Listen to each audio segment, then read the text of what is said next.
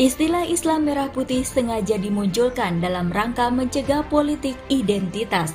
Anehnya, hanya politik Islam yang disebut sebagai politik identitas. Sejatinya, Islam merah putih justru memecah belah dan menghantam umat Islam.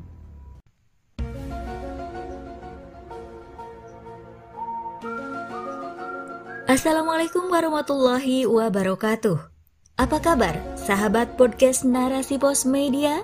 Jumpa dengan saya, Maya Rohmah, dalam rubrik opini berjudul Habis Islam Nusantara, terbitlah Islam Merah Putih ditulis oleh Fitria Zakiatul Fauziah CH. Beberapa pekan terakhir, umat Islam di Indonesia dihadapkan dengan pernyataan Islam merah putih yang dicetuskan oleh Ketua DPR RI Puan Maharani. Direktur Eksekutif Jaringan Moderasi Beragama Indonesia, Islah Bahrawi menyampaikan bahwa gagasan Islam merah putih merupakan penangkal hadirnya politik identitas.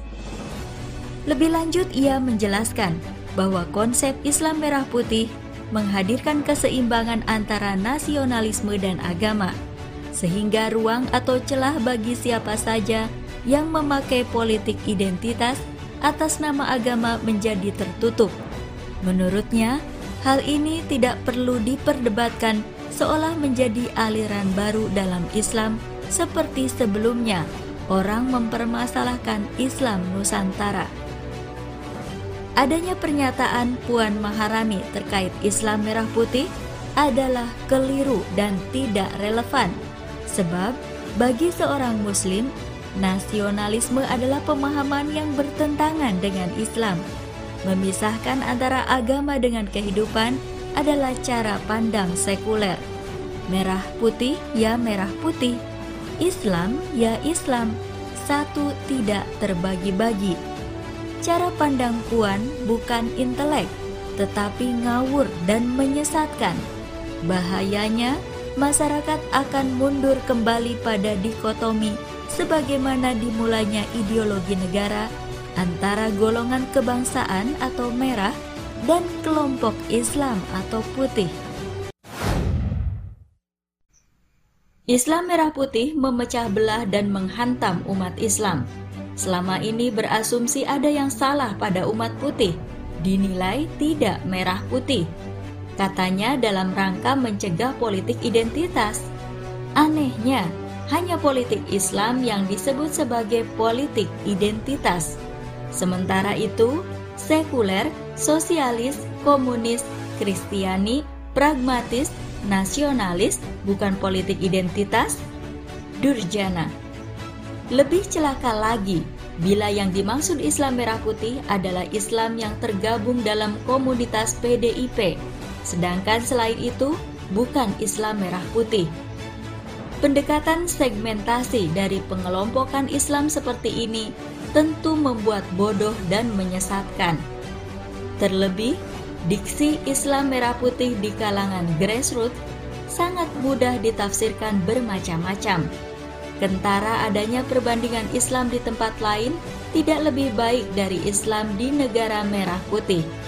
Gawatnya, kesan-kesan yang muncul diopinikan seolah-olah di negara lain konflik terjadi karena Islam atau orang Islam, bukan faktor sosial, ekonomi, politik, atau ideologi. Kekuatan politik Islam Menyosialisasikan Islam sebagai agama yang rahmatan lil alamin adalah cara terbaik, bukan dengan membuat diksi baru yang justru menjegal politik Islam. Secara istilah, diksi dan kenyataan tidak bisa mengutik-utik, kecuali kepada makna kebaikan.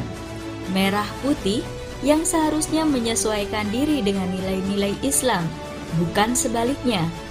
Tidak ada kata sepakat untuk menjadikan Indonesia sebagai Islam merah putih. Islam jauh sangat mulia dibandingkan dengan merah putih. Kekuatan politik Islam ini memang pantas diakui karena memiliki keistimewaan yang tidak terdapat pada kekuatan politik sekuler. Politik Islam dibangun berdasarkan akidah Islam dan untuk menerapkan Islam di dalam negeri dan dakwah ke luar negeri. Hakikatnya, politik Islam adalah pengurusan urusan umat atas dasar kebenaran dan keadilan. Akidah Islam yang mendorong kaum Muslim memiliki perhatian terhadap dunia, menyebarkan Islam ke seluruh penjurunya, dan mengatur dunia dengan syariat Islam. Inilah konsep politik yang sesungguhnya, yakni mengurusi seluruh urusan umat manusia. Sebab syariat Islam hakikatnya adalah solusi bagi seluruh aspek kehidupan.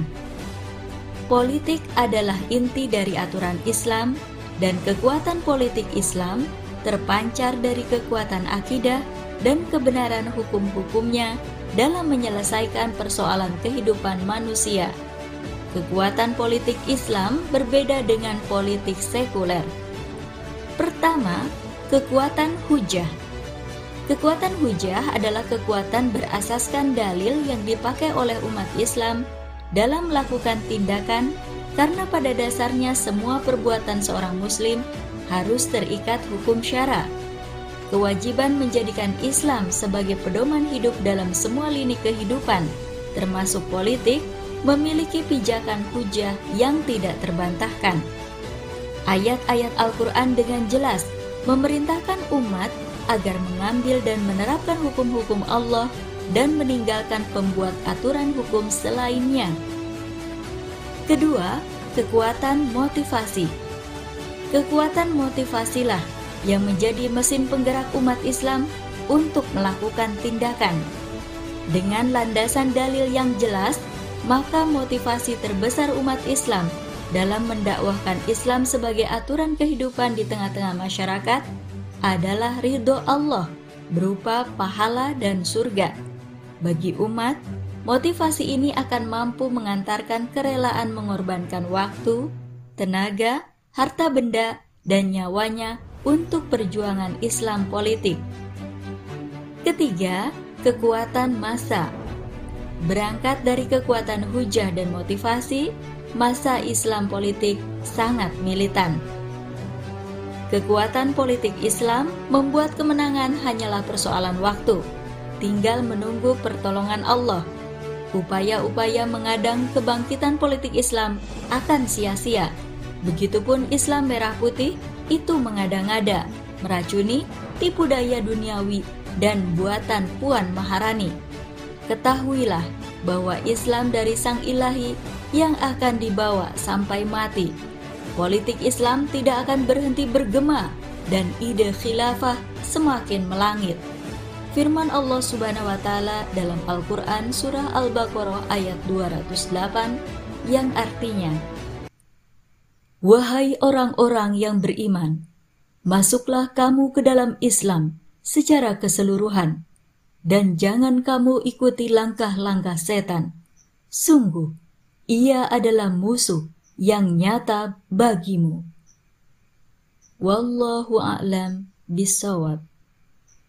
Narasipos.com, cerdas dalam literasi media, bijak menangkap peristiwa kunci.